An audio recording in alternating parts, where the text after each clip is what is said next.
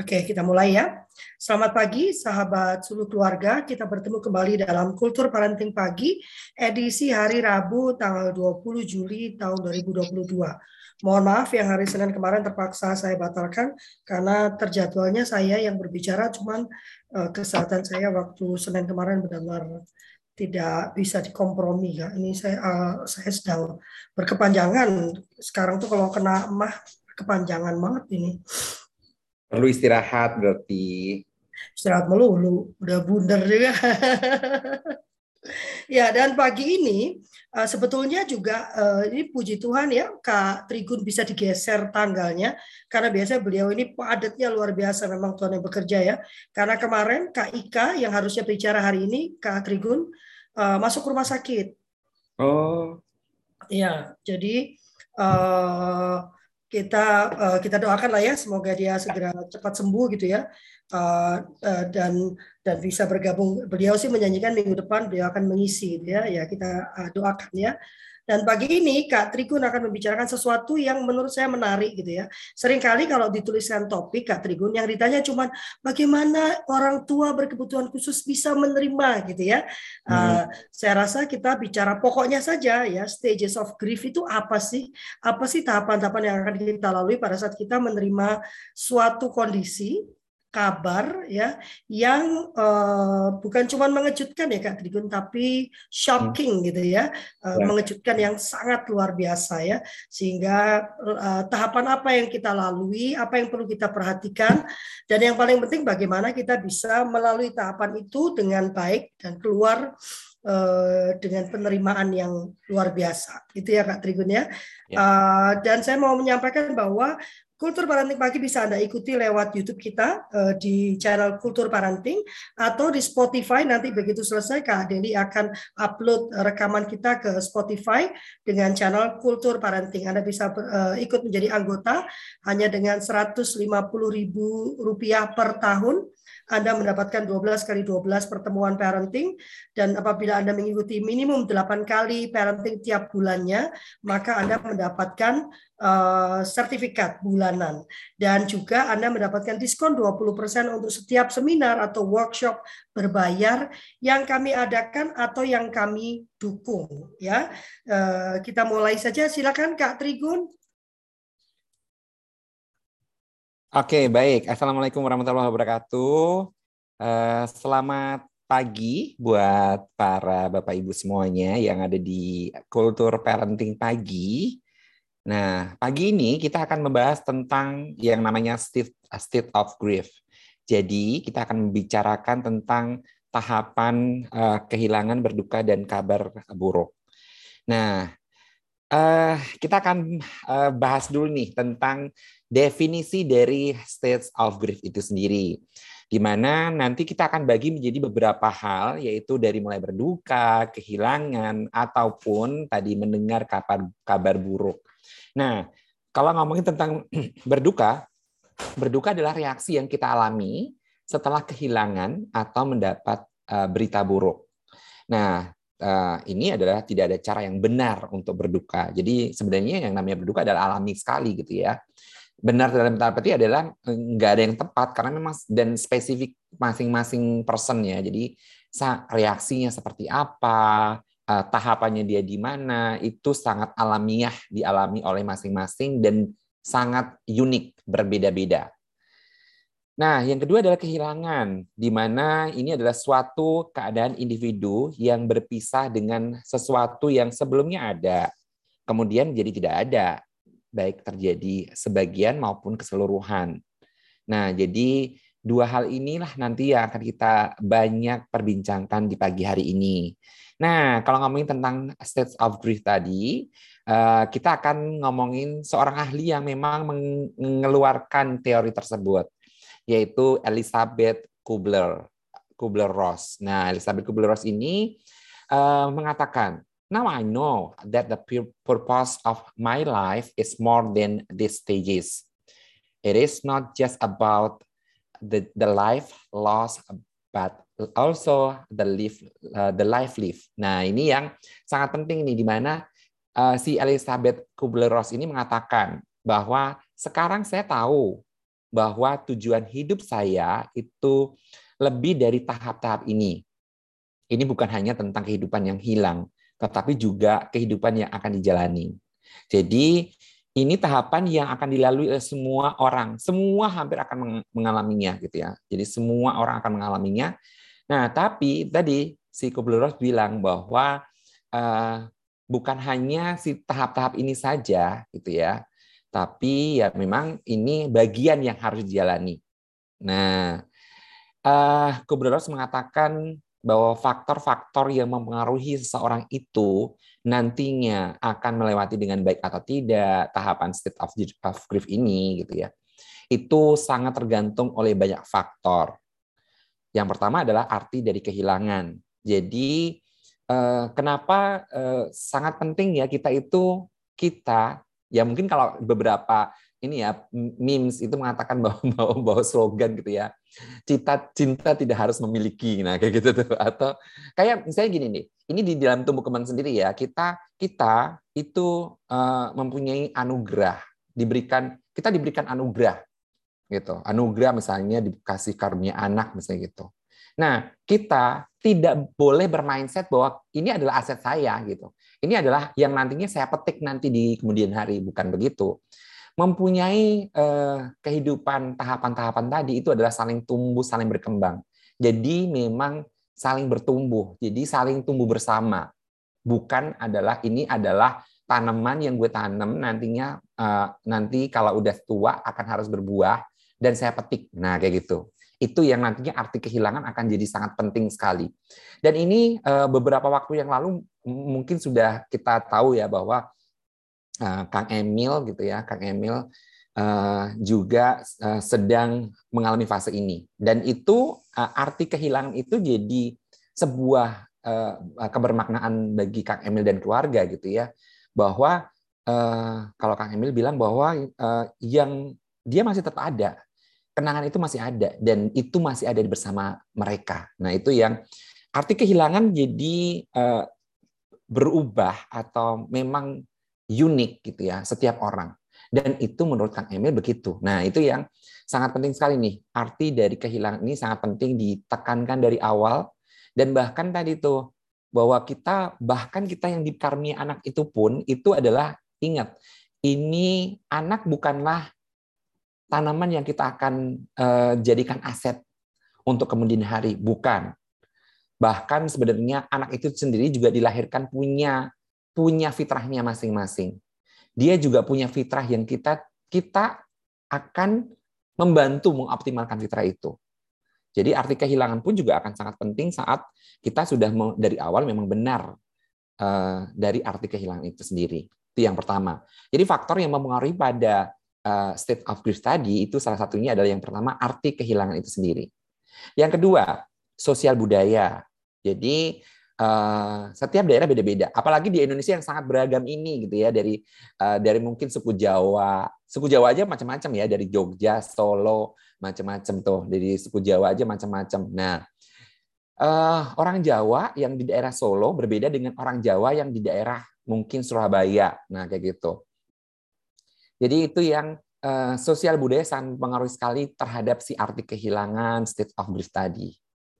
Yang ketiga adalah kepercayaan atau spiritual. Nah, ini juga sama bahwa nanti pentingnya sekali eh, faktor kepercayaan, spiritual, bahkan nih kenapa beberapa center-center yang nantinya berkenaan dengan eh, kesehatan mental itu sangat-sangat eh, menekankan sekali adanya eh, bagian salah satunya adalah tadi kepercayaan atau spiritual atau bahkan eh, agama itu dimasukkan ke dalam uh, curing dalam di dalam penyembuhan eh, individu-individu uh, yang memang mempunyai kendala atau masalah pada kesehatan mental.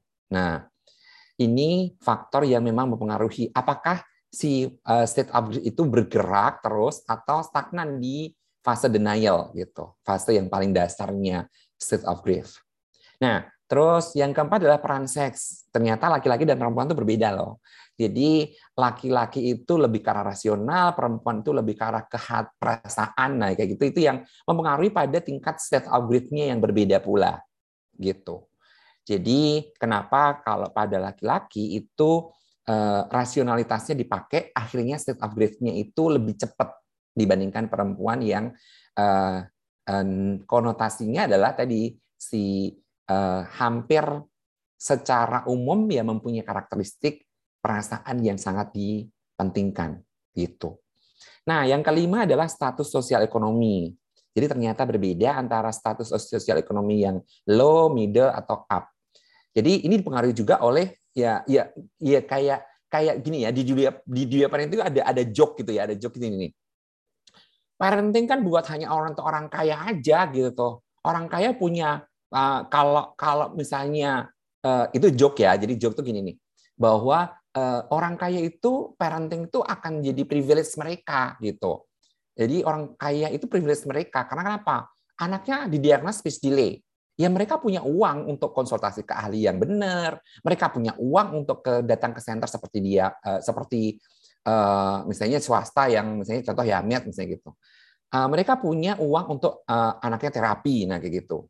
Bagi anak yang bagi kalangan yang uh, low itu satu sosial ekonomi yang low itu bukan privilege mereka. Mereka akhirnya pasrah. Nah, kayak gitu-gitu itu yang memang status sosial ekonomi akan sangat-sangat sekali berpengaruh pada tadi state of grief yang yang nantinya kita akan uh, jadi uh, akan perhatikan juga gitu ya. Jadi jangan sampai kita nanti saat membantu orang yang uh, mengal memang sedang mengalami state of grief ini, tapi ternyata uh, kita tidak mempertimbangkan si faktor yang kelima ini yaitu sosial ekonomi, status sosial ekonomi. Nah, yang keenam adalah kondisi fisik dan psikologi individu. Jadi kondisi fisik yang fit, psikologi yang stabil itu berbeda dengan yang memang sudah fragile, sudah memang rapuh, memang sudah punya uh, masalah dasar psikologi misalnya begitu. Itu yang uh, ini yang nantinya sangat penting diperhatikan di dalam faktor yang mempengaruhi pada state of grief ini. Nah, terus uh, ini kita ngomongin tentang tipe, tipe dari kehilangan tadi, tipe dari state of grief tadi. Yang pertama adalah tipe yang namanya actual atau nyata.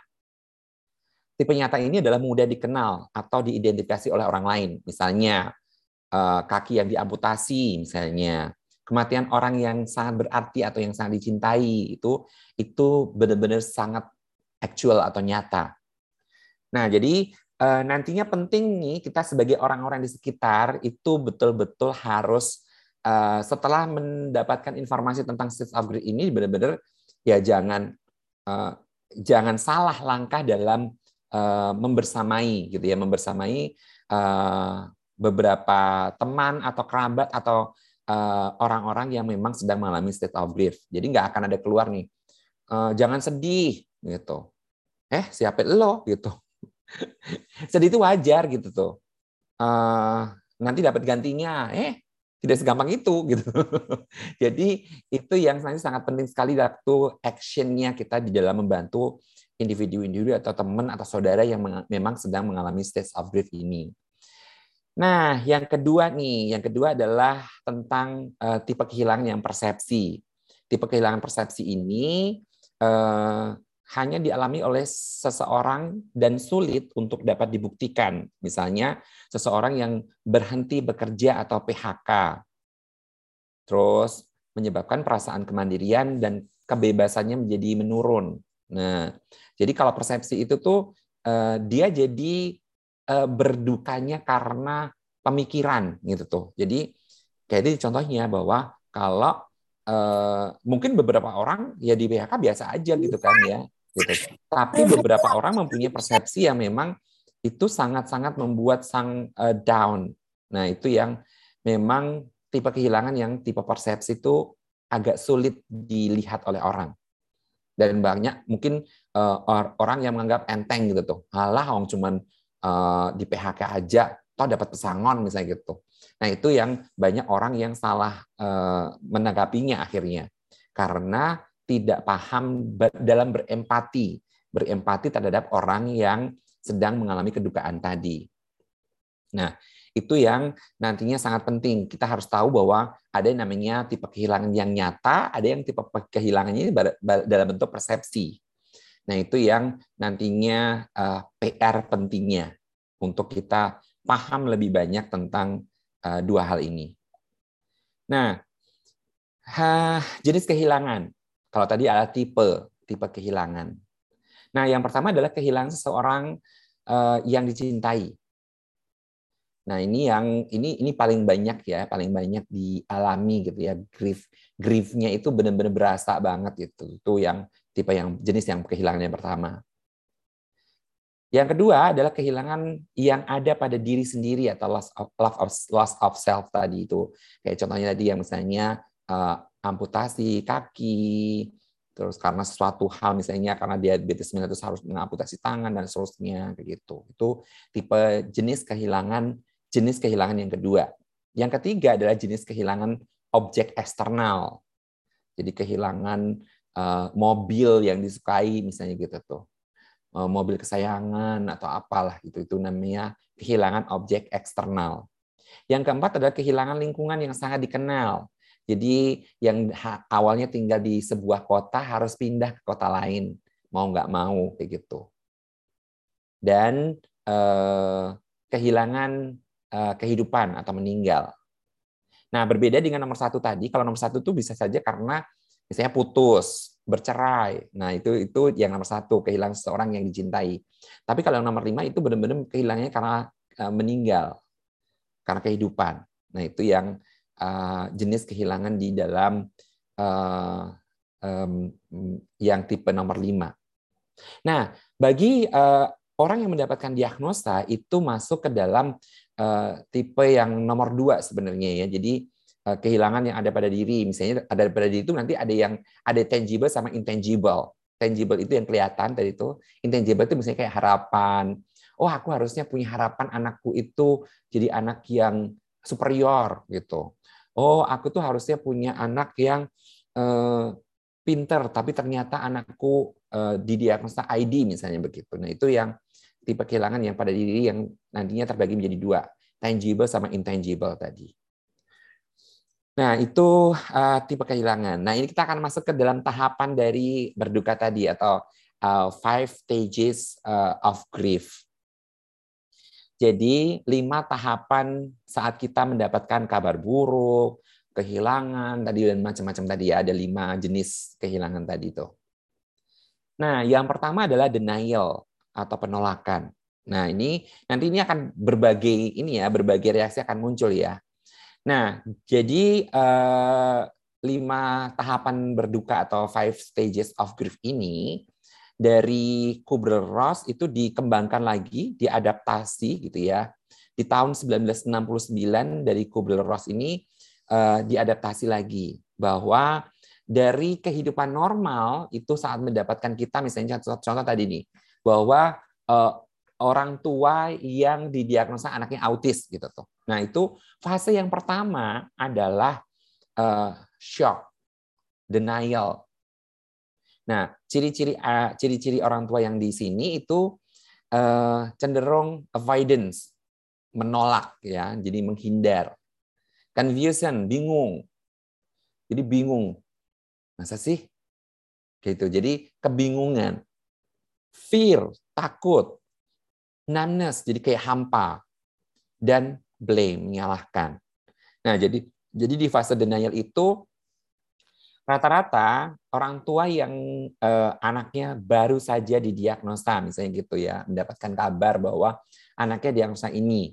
Nah, fase yang pertama itu adalah tadi denial tadi. Dan ini ciri-cirinya adalah lari dari kenyataan, bingung, shock, dan takut tadi tuh. Itu yang pertama. Nah, fase ini eh, reaksinya sangat sangat sangat beda ya setiap orang beda-beda gitu ya. Ada yang langsung eh, langsung ini langsung kelihatan, ada yang disembunyikan dulu tapi baru muncul lima menit kemudian kayak gitu. 10 menit kemudian kayak gitu. Itu yang berbeda-beda, timingnya pun juga beda-beda. Itu yang pertama namanya denial. Nah, yang kedua adalah anger. Anger itu marah.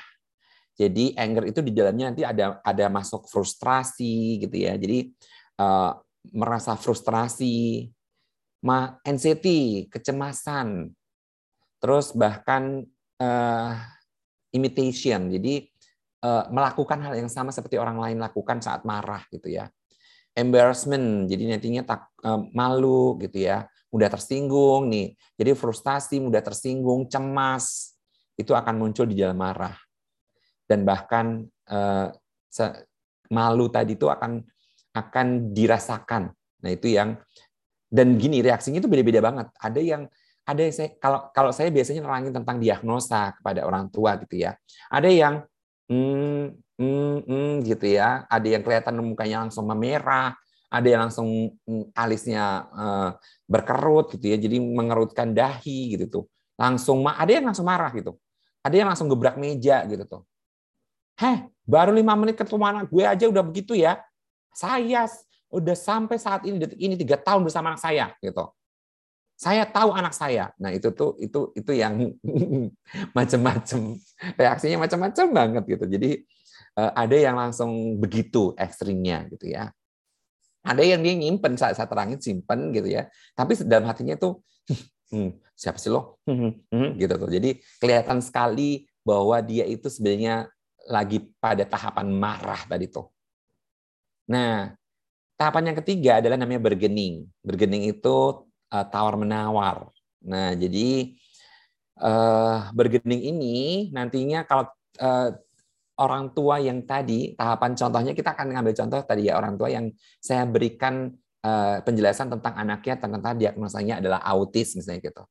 Nah, itu kalau dia sudah sampai sampai di tahap ini gitu ya. Dan gini ya, itu beda-beda ya. Ada yang dia itu sampai denanya saja, ada yang sudah sampai marah, ada yang sampai ke uh, tawar menawar. Jadi dia berjuang di tawar menawar ini tipe-tipe orang tuanya adalah dia uh, berjuang untuk mencari kebenar kebermaknaan, mencari tahu ke orang lain dan menceritakan kisah seseorang. Jadi dia mungkin sudah sudah mulai ini ya, sudah mulai sudah mulai mencari-cari tahu sebenarnya waktu sebelum dikasih tahu bahwa anaknya autis itu itu eh, sudah beberapa memang hmm, sudah cari tahu dulu nih. Nah, kayak gitu. Jadi di dalam berkening itu dia reaching out to others. Jadi dia nyeritain ke tetangganya mungkin, temannya mungkin gitu ya. Decide, decide to tell one story. Jadi dia itu uh, baca-baca dan cerita orang lain juga gitu ya. Dan tadi struggle to find meaning oh, for what has happened. Jadi uh, berjuang untuk mencari kebermaknaan tadi. Dan biasanya kalau tawar menawar itu dia sudah kayak sudah uh, sudah kayak ini ya uh, sudah tawar menawar sama yang di atas juga gitu ya. Ya Allah, aku akan rajin sholat. Ya Allah, aku nanti akan naik haji. Uh, tolong bla bla bla bla bla gitu. Tolong sembuhkan anakku. Nanti kalau anakku sembuh bla bla bla. Nah itu termasuk yang di uh, fase apa? Fase uh, fase nadar gitu ya, punya nadar bahwa gini gini gini itu ada di sini, di fase ini. Di fase bergening ini. Nah, fase yang berikutnya yang nomor empat adalah namanya depression. Depresi. Di mana depresi ini sudah mulai kelihatan kewalahan, sudah mulai kelihatan putus asa, ingin marah, ingin menghindar kayak gitu.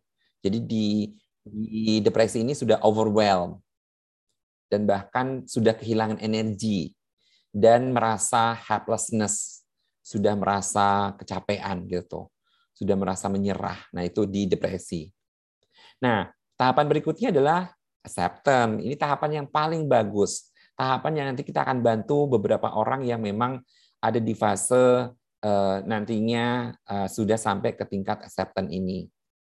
Nah, acceptance ini ciri-cirinya sudah mencari tahu kemungkinan-kemungkinan jalan keluar terbaiknya seperti apa dan bahkan ini udah hasil browsing di internet di Google dan seterusnya itu udah dapat tuh gitu dan menyusun rencana baru nih untuk move on. Jadi uh, dia sudah menyusun rencana-rencana untuk apa saja yang akan harus aku lakukan. Ya, oh ketemu sama dokter ketemu sama psikolog ketemu sama ahli. Uh, terus uh, mencari tempat terapi yang terbaik untuk anaknya.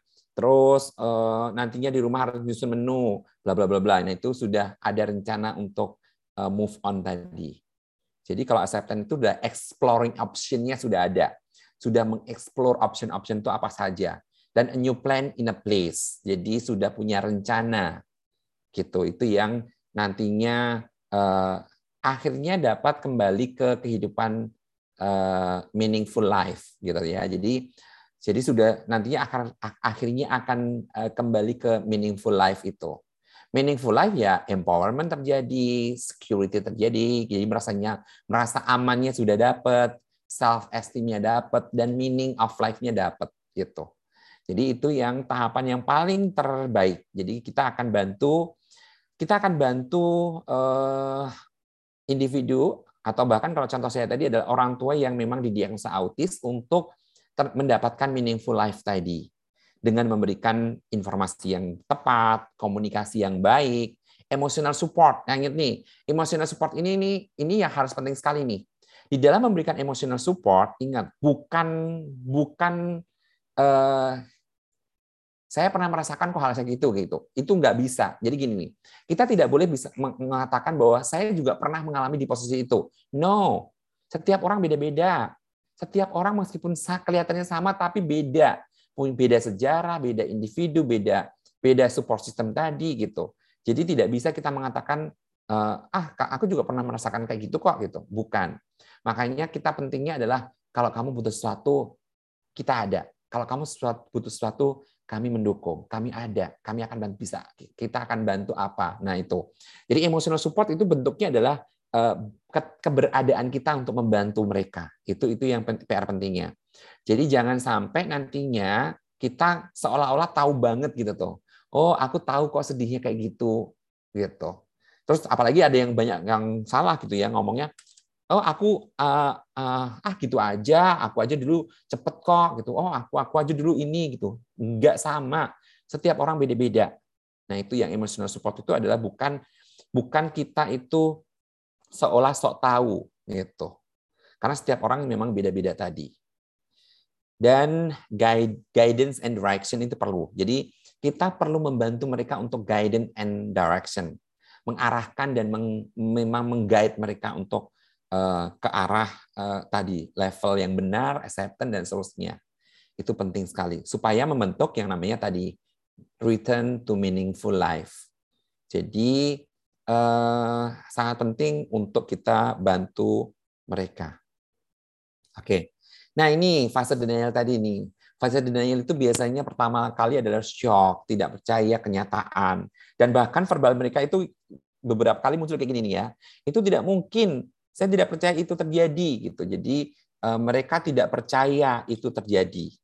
Jadi uh, meaningful lah uh, fase denial itu fase denial itu sangat sangat sangat perlu kita bantu karena mereka ada di fase ini. Dan bahkan di fase denial itu perubahan fisik mereka kelihatan sekali. Letih, lemah, pucat, mual, itu bisa terjadi semua.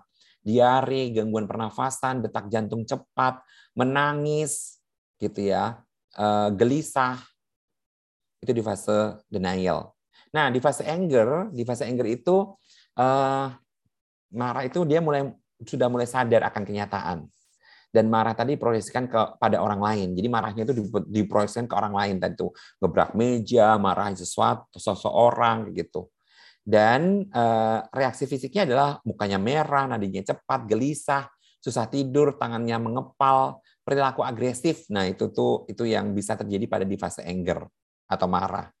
Nah, fase bergening tadi tawar-menawar itu verbalisasinya itu bisa macam-macam ya. Kenapa harus terjadi pada saya sih Allah gitu.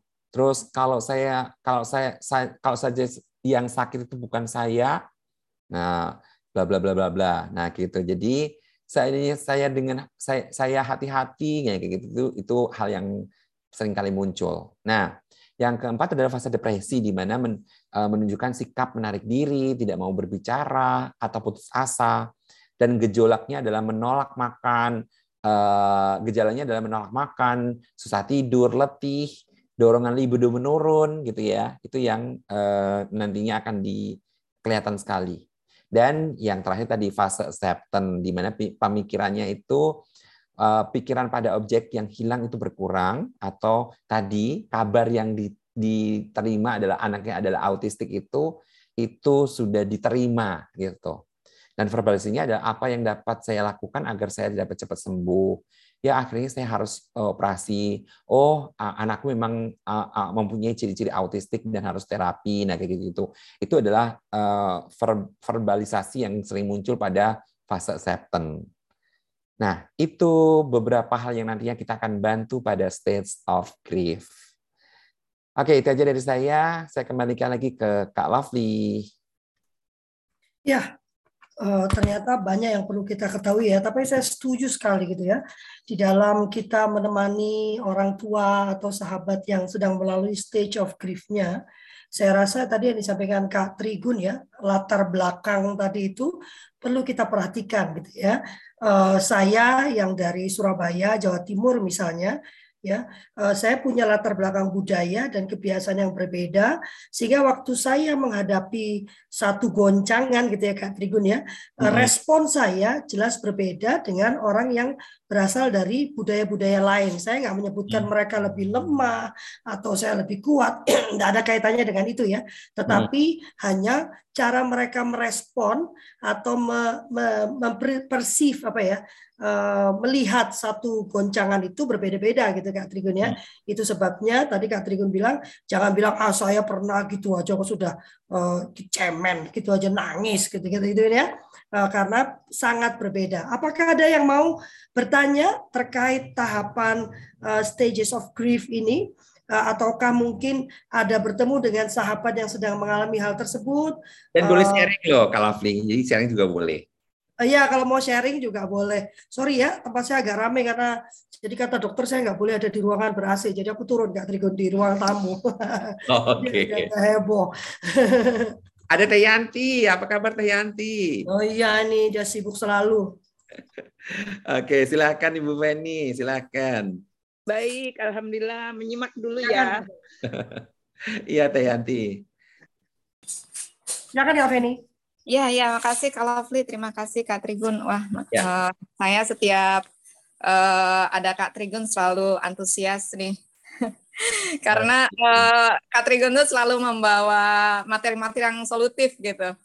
Uh, ya, yang saya uh, kebetulan uh, ada teman yang sedang mengalami fase itu gitu. Mm-hmm. Cuma uh, saya tuh uh, ingin eh, memberi memberi support itu agak bingung di mana harus masuk gitu. Apa karena uh, kita juga tidak tahu latar belakang dia seperti apa dari uh, apa asal usulnya seperti apa, background kenapa itu bisa terjadi dan hmm. uh, untuk membantu menganalisa uh, teman saya tersebut um, apa untuk menganalisa apa ya sisi-sisi mana sih sebenarnya kekurangan-kekurangannya dia, kesulitan-kesulitannya dia. Nah, untuk membantu menuju ke arah itu tuh uh, bagaimana ya Kak Trigun untuk menghindari uh, supaya kita tuh tidak dinilai ah kamu sok tahu meskipun saya pernah mengalami hal itu tapi kita juga nggak mau tidak mau dinilai ah kamu uh, sok tahu sosok menilai sosok bijak seperti itu. Karena kan uh, apa tanggapan itu anggapan itu pasti nggak pasti sih ya kemungkinan akan bisa bisa muncul dari dari uh, teman saya tersebut gitu. Itu ya. cara menghindarinya gimana ya Kak Trigun untuk uh, sebenarnya kita tuh niatnya mau membantu menganalisa masalah gitu, tapi ya. terkadang diterimanya karena dia dalam kondisi yang sedang tidak stabil, dia kan bisa aja uh, justru malah nyerang balik ke kita, Allah lo so tahu lo so bijak gitu kan. Ya. Gitu gimana Kak Trigun? Terima kasih. Okay. Baik, terima kasih pertanyaannya Kak Feni. Bagus banget pertanyaannya. Uh, yang jelas tadi bahwa uh, mereka itu sedang dalam grief. Itu yang harus kita tahu dulu. Yang kedua, kalau kita tidak tahu banyak informasi, jangan saat dengan kondisi grief kita malah menggali-gali gitu tuh ya. Jadi ingat nih, kalau kita memang uh, sudah punya informasinya, tadi kan yang pertama adalah langkah kita adalah namanya information and communication. Nah, jadi tetap uh, informationnya itu kita yang kita punya tidak berusaha untuk mencari misalnya contoh dia mening uh, anaknya meninggal kita malah cari tak kita malah tanya-tanya meninggalnya kenapa sih? Nah kayak gitu. Jadi uh, cenderung jangan si si orang yang sedang griefnya yang kita uh, jadikan sumber informasi. Informasi itu bisa didapat dari orang lain sekitar uh, tanpa harus uh, mencari tahu ke si individu tersebut. Nah, yang kedua adalah informasi yang kita punya, yang kita uh, uh, uh, punyai. Kalau kita memang sudah punya ahli, kita punya memang ahli ya. Misalnya contoh, uh, saya uh, ahli di anak berkebutuhan khusus. Jadi informasi yang saya punya itu yang saya akan bantu untuk diberikan. Information and communication itu yang pertama. Yang kedua, yang kedua tadi adalah emotional support. Ingat nih. Jadi yang kalau kita di tahap pertama tadi skip nggak dapat, langsung aja masuk ke fase kedua. Jadi cara menolong untuk orang-orang yang sedang grief ya langsung masuk ke fase yang kedua ini namanya emotional support. Nah, ingat emotional support tadi kata-katanya harus empatik bukan simpatik. Simpatik itu adalah aku pernah kok kayak gitu gitu. Enggak sama. Ingat, emotional support adalah memberikan daya power kita ke mereka. Jadi uh, kalau kamu butuh sesuatu aku ada kok. Kalau kamu ini aku siap bantu kok. Nah, itu itu yang sangat penting. Jadi yang dipentingkan adalah keberadaan emosi kita, emotional support yang akan kita berikan, bukan kita itu ngejudge bahwa kita pernah merasakan itu, pernah kita merasakan uh, ada di tahap itu meskipun pernah itu pasti akan berbeda gitu. Jadi itu yang sangat penting. Jadi ada tiga tahapan untuk membantu uh, uh, individu yang sedang state of grief tadi. Yang pertama adalah information and communication. Kalau nggak cukup di information and communication, mungkin kita nggak capable di di sebagai source. Uh, kita akan mencari tahu itu nyatanya tidak boleh dari individu tersebut, dari orang lain. Langsung masuk ke fase kedua nanti yang yang disebut namanya emotional support tadi. Jadi sebenarnya eh, orang-orang yang sedang eh, pada tahapan grief itu yang dibutuhkan adalah emotional support ini. Emotional support ini termasuk DLL-nya ya. DLL itu adalah keberadaan kita. Kalau dia butuh sesuatu, eh, misalnya ternyata dia logistiknya yang diperlukan. Nah, kita berikan logistik helping gitu ya. Jadi menyediakan makanannya, menyediakan beberapa kebutuhan mereka di dalam eh, di dalam eh, melewati masa grief tadi gitu. Emotional support. Dan kalau bisa masuk ke fase ketiga namanya guidance and direction.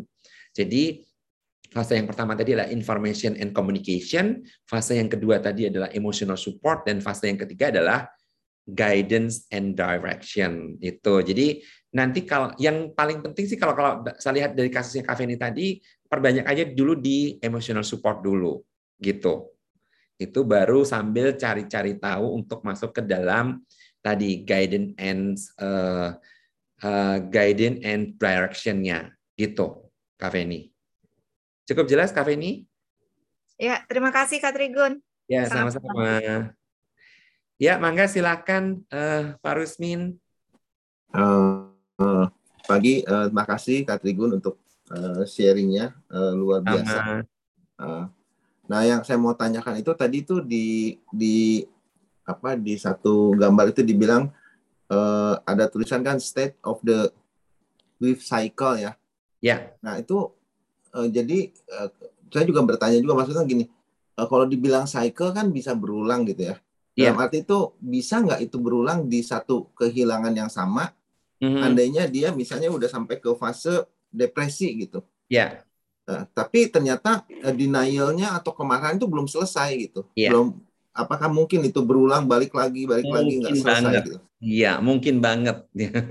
Jadi itu mungkin banget. Jadi saya contohkan gini, saya contohkan saya kan sering kal saya setiap hari uh, tugasnya memang membantu uh, orang tua orang tua yang memang mempunyai kendala gang anaknya mengalami gangguan tumbuh berkembang. Nah, saya memang agak berat banget kalau nyampein yang namanya gangguan-gangguan berat tuh, gangguan autis berat, gangguan ID, intellectual disability, apalagi anaknya sudah 8 tahun nggak bisa dibantu karena udah usia emasnya udah lewat gitu ya. Jadi itu itu emang berat banget. Ngomongnya aja berat banget gitu. Ngomongnya untuk mengatakan Bu anak Ibu mempunyai gangguan ini. Ya kayak gitu dan ngomongnya berat banget nih bu anak ibu udah lewat usia emas. Itu tuh tuh tuh ngomongnya berat banget tuh. Nah jadi uh, orang tua orang tua yang gangguannya itu memang bukan gangguan ringan anaknya gitu tuh. Itu dia uh, bisa dan bahkan gini dari namanya cycle tadi itu tidak harus lalu selalu ada di denial pertamanya. Dia bisa saja sudah sampai ke misalnya sudah sebelum datang ke saya sudah banyak informasi sudah sudah searching searching di Google gitu. Dia datang ke saya itu hanya untuk mengkonfirmasi bahwa oh iya enggak ya gitu. Oh iya ternyata dia sudah sampai acceptance. Nah, orang-orang yang sudah sampai di acceptance itu pun bisa sampai nanti balik lagi ke mundur gitu. Bisa lagi ngulang lagi denial lagi. Karena apa? Karena satu adanya burnout. Burnout itu dia udah udah mencoba nih uh, saran-saran dari Google, dari saya, dari ahli-ahli gitu ya. Tapi ternyata kok nggak nggak ada progres nih anaknya nih gitu.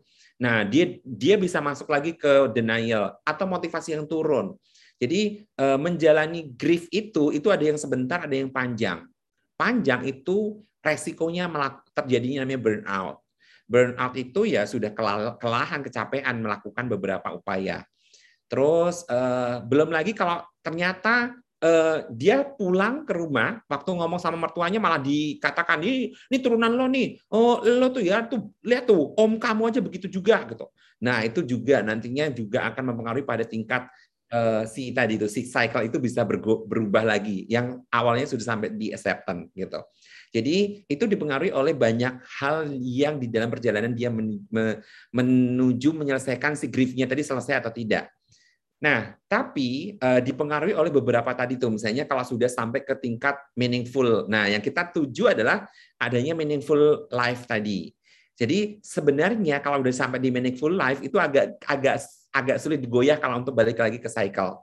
Jadi kalau udah sampai ke meaningful life itu orangnya sudah empowerment, sudah merasa empower, sudah security-nya udah dapat, self esteem-nya udah dapat, percaya dirinya udah dapat, uh, dia mam, dia sudah mampu menyelesaikan dengan baik itu uh, permasalahan-permasalahan kecil sama besar gitu ya. Dan dia sudah mendapatkan makna dari hidup itu uh, akan membuat si orang itu agak sulit balik lagi ke cycle yang sebelumnya gitu.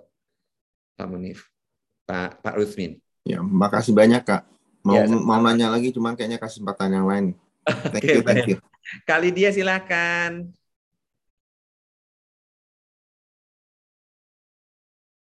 Ya, boleh kali dia. Halo, Kak Trigun. Ya, mau, saya minta open cam soalnya ya, sambil. Apa -apa. Oke, nggak apa-apa. Silahkan, silahkan. Uh, baik, terima kasih uh, Kak Trigun. Ini saya mau tanya Kak Trigun. Saya adalah sebenarnya orang tua yang pernah didiagnosa oleh Kak Trigun juga dengan anak dengan ABK. Gitu. Uh. Nah, ya uh, tahapan saya seperti yang dijelaskan uh, Kak Trigun gitu ya. Lain-lain sampai akhirnya saya menerima gitu dengan kondisi anak saya. Nah, yang saya ingin tanyakan adalah gini, uh, karena saya mempunyai pengalaman anak yang dengan ABK gitu, mm. saya jadi melihat sosok-sosok anak di luaran sana, uh, misalnya sepertinya dia bermasalah sebenarnya gitu kan tapi dia bermasalah seperti contohnya kayak anak saya gitu tapi kan uh, karena saya pernah mengalami posisi denial yang nggak terima yang marah gitu ya. hmm. ya kebetulan karena saya punya komunitas ya Premi Warrior gitu ya hmm. jadi yeah, yeah. Uh, gimana sih kita gitu ya apalagi saya sebagai uh, mungkin uh, bisa berbagi sharing dengan orang tua dengan hmm. kondisi anak-anak tersebut. Mungkin mereka belum bisa melihat kondisi anak mereka bermasalah karena mereka enggak kok normal kok anak saya kok enggak masalah kok gitu. Tapi yang sekali yang tadi seperti Kak Trigun bilang ternyata saat datang ke tempat tumbuh kembang sudah telat gitu sudah waktunya sudah ya udah usia lima tahun gitu padahal sebenarnya dari usia dua tahun tuh sebenarnya sudah kelihatan ini anak mungkin ada masalah gitu. Gimana sih kita sebagai orang yang mungkin di dekatnya mereka gitu untuk tidak menyinggung? Karena kan menurut saya dengan tiba-tiba karena contohnya saya sendiri saat kakak saya bicara e, coba deh kamu ke tumbuh kembang ataupun kamu ke psikolog deh. Eh emang anak gue gila? Gitu kan langsung yang tahapan kita langsung bicara itu langsung kenapa memangnya anak saya? Gitu kok kamu bisa itu?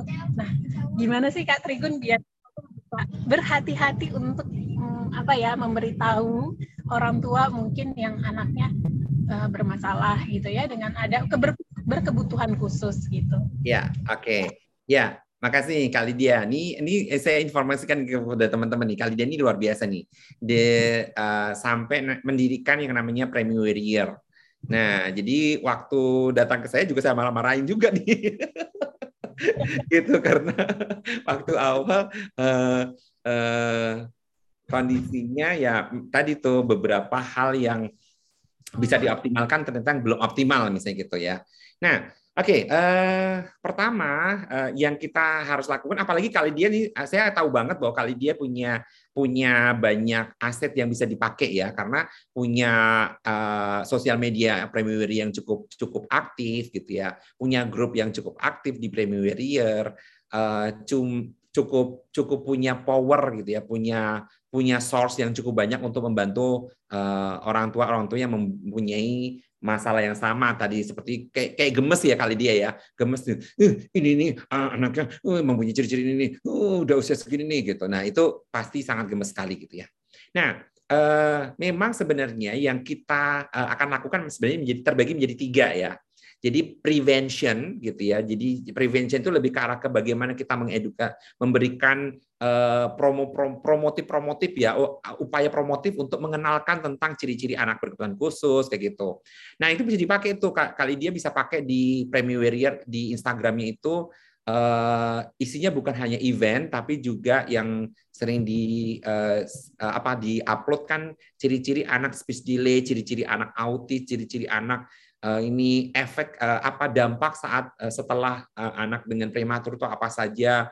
Jadi anak prematur itu akan mempunyai bla bla bla bla bla gangguan tumbuh kembangnya apa aja kemungkinannya. Nah itu itu bisa jadi sangat membantu sekali.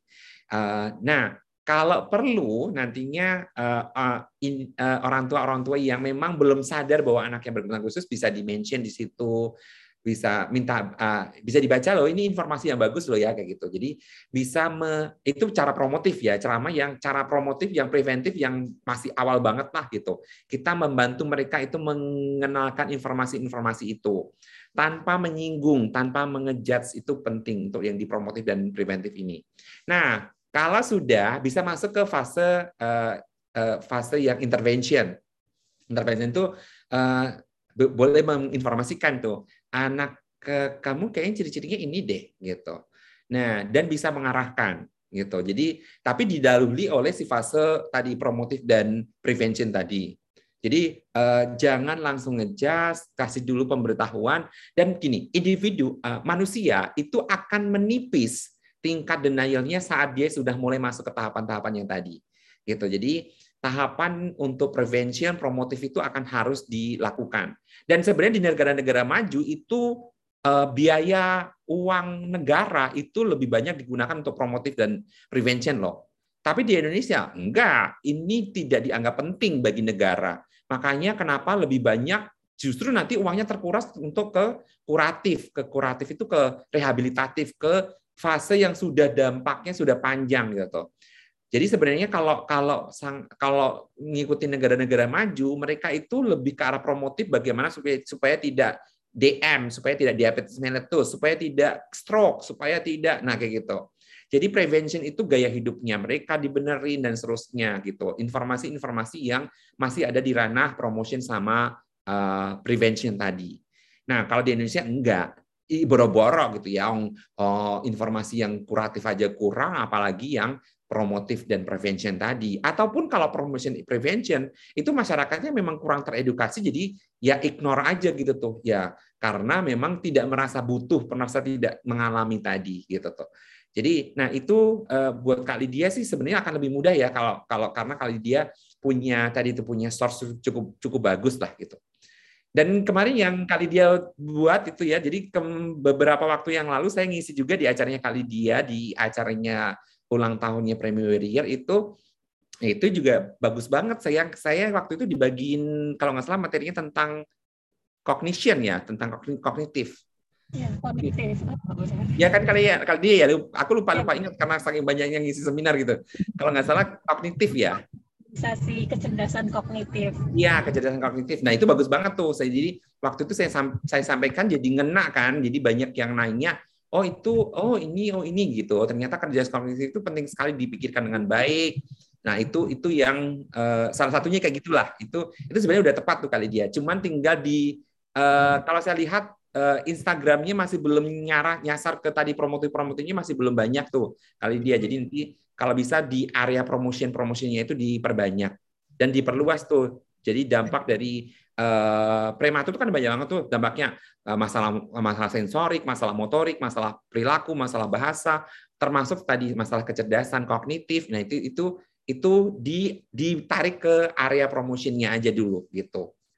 Itu kali dia. Oke, terima kasih banyak Kak Trigun. Sama-sama. ya, gemes gitu. ya, ya, jangankan begitu ya Kak Lydia ya. Saya mengasuh suluk keluarga ini sudah dua tahun ya.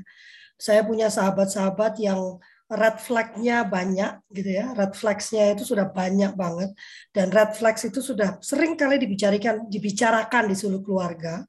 Dan saya selalu mempromosikan suluk keluarga, kultur parenting pagi ke semua teman-teman saya, bahkan kenalan saya. Tapi yang hadir ah, bahkan yang sudah jelas punya red flags itu sama sekali tidak mau hadir gitu ya. Memang budaya pencegahan di negara kita ini belum uh, belum apa ya belum belum, belum berkembang dengan baik gitu ya Kak Trigun ya uh, mereka lebih uh, berbicara tentang kuratif gitu ya yeah. benar sekali kan maka yang dihebohkan BPJS-nya itu kan kalau bayar yeah. bayar rumah sakit padahal seharusnya BPJS itu lebih banyak bicara tentang bagaimana mencegahnya vitamin yang banyak ya, ya kan?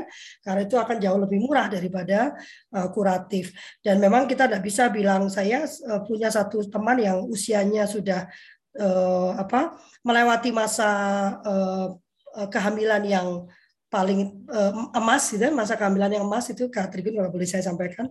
Lalu hmm. lahirnya sesar itu kan red flag semua ya hmm sesar gitu kan. Uh, tapi saya ajak datang pun nggak mau gitu ya, nggak, nggak mau karena dia tidak melihat ada masalah pada anak bayinya.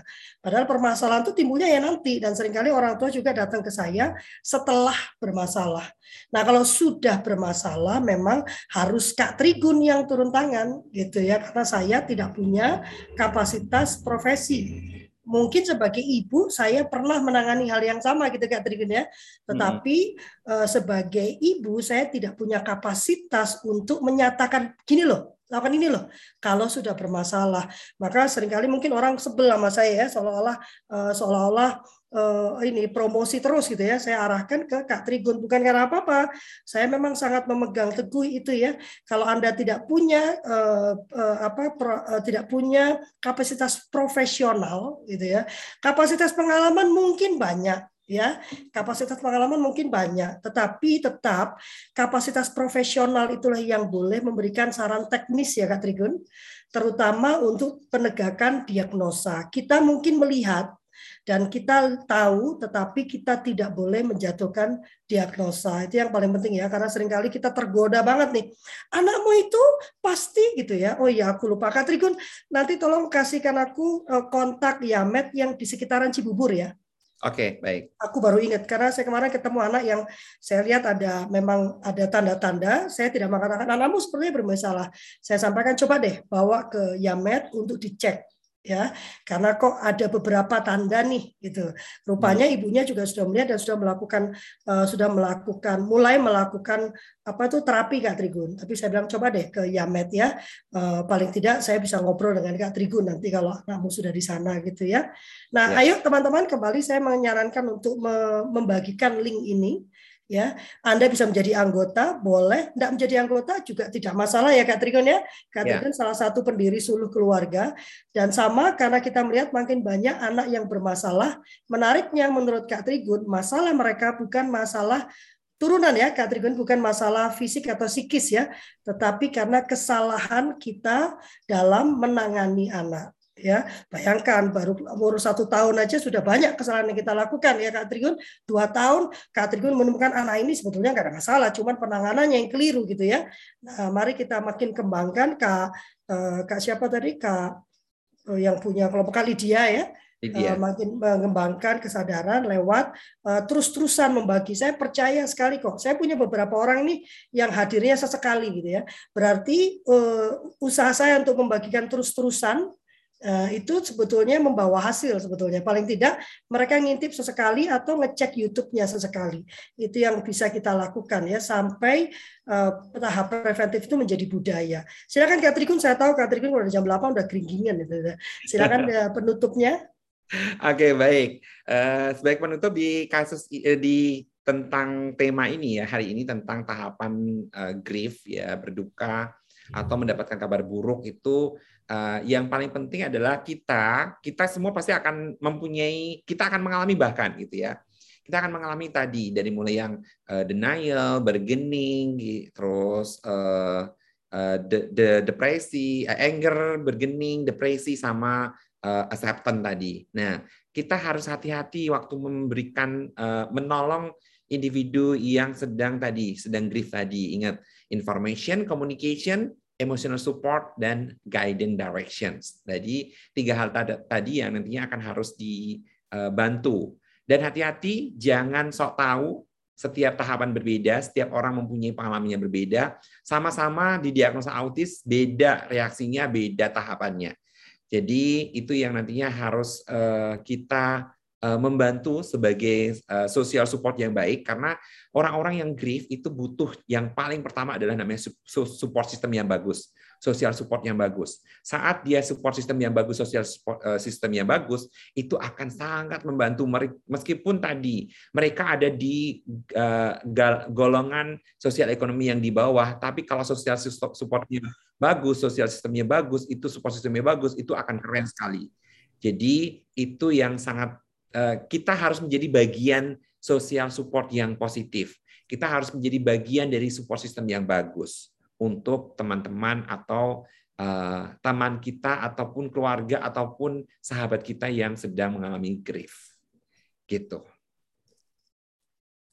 Ya, mari menjadi support system yang baik ya itu ya pesan yang pesan yang ini ya itulah kenapa salah satu saya membuat operet ya, bentuk operet itu sebetulnya menjadi support system bagi perempuan ya untuk uh, bisa menjadi dirinya yang terbaik. Terima kasih ya Kak Trigun. Bulan Sama. depan uh, seperti biasa ya saya minta waktu. Sebetulnya kalau bisa lebih dari sekali luar biasa tapi waktunya Kak Trigun ini mepet semua. Dan saya nantikan uh, waktu juga untuk kita membuat pelatihan lagi Kak Trigun. Kayaknya sudah Boleh. waktu kita bikin siap, siap. pelatihan lagi ya uh, untuk teman-teman ini mungkin pelatihannya bisa kita lakukan di metaversa. Wah, keren kan? Ya. Terima kasih teman-teman. Nah, hari Jumat kita akan bertemu dengan siapa Dek Jumat? Uh, kok saya lupa ya. Ini gara-gara sakit ini uh, otaknya jadi kurang gimana gitu loh. Iya. Ya Kak Canita belum belum sehat tapi berusaha sehat. Uh, dan kita akan bertemu lagi hari Jumat jam 7 pagi. Kita akan berfoto dulu sambil saya mengucapkan kata penutup. Karena saya tahu Kak Trigun ini kalau udah jam 8 ini sudah yang nunggu sudah banyak banget ini. Ya. Ini di sini bukan jam 8 nih, di sini aku jam 9 nih. Oh, Bapak di mana? Aku di Bali, lagi di Bali. Oh, oh, oh, aku bulan depan mau ke Bali. Anakku ngotot aku harus ke Bali untuk ulang tahun. Tapi aku kerja bukan ini bukan ini. Iya. Jangan lupa nanti Hari Jumat dengan Kak Joel Hidayah dengan topik social awareness. Oh iya Kak Joel, kita akan bicara tentang social awareness ya pada anak remaja pasti ya, pada anak remaja, pada bagaimana kita meningkatkan uh, awareness apa kesadaran sosialnya. Karena kita sering bicara anak-anak itu, oh dia mah nggak peduli gitu ya, dia mah ini, nah bagaimana kita membangkitkan social awareness pada anak-anak remaja? Dan benarkah anak remaja itu tidak peduli? Tapi aku pernah bertemu dengan anak remaja yang dengan tegas mengatakan dia tidak peduli apabila plastik itu mengotori dunia. aku agak shock mendengarnya. Ya. Ayo difoto dulu. Ya, ayo pasang hati semuanya. Ya, ya. Satu. Uh, saya mengucapkan ya, saya mengucapkan terima kasih yang luar biasa atas kesertaan teman-teman. Mohon maaf, mungkin tadi uh, beberapa mengalami kesulitan karena saya salah mengcopy paste link ya, uh, dan juga uh, apa saya mengucapkan mohon maaf juga apabila ada pernyataan, perkataan atau sikap atau gestur yang kurang berkenan. Kami tidak ingin merendahkan, tidak ingin memojokkan ya, tidak ingin menghakimi, juga tidak ingin menggurui ya Kak Trigun ya. Kami hanya ingin membagikan apa yang menjadi keyakinan kami dan apa yang kami uh, usahakan kerjakan ya karena kita juga manusia Kak Trigun ya siapa tahu ada yang lihat gua tuh kalau lovely nggak gitu gitu ya apa yang selalu berusaha kami terapkan di dalam kehidupan kami sehari-hari terima kasih banyak Kak Trigun jangan lupa kontaknya ya Okay, karena baik. saya sudah telat satu minggu lebih nih kalau lupa saya. Oke, okay, Terima baik. kasih banyak. Wassalamualaikum warahmatullahi wabarakatuh. Tuhan memberkati. Terima kasih Kak Isti. Ya. Terima kasih Kak ya. Terima kasih Kak Lovely. Sehat ya Kak. Amin. Terima kasih.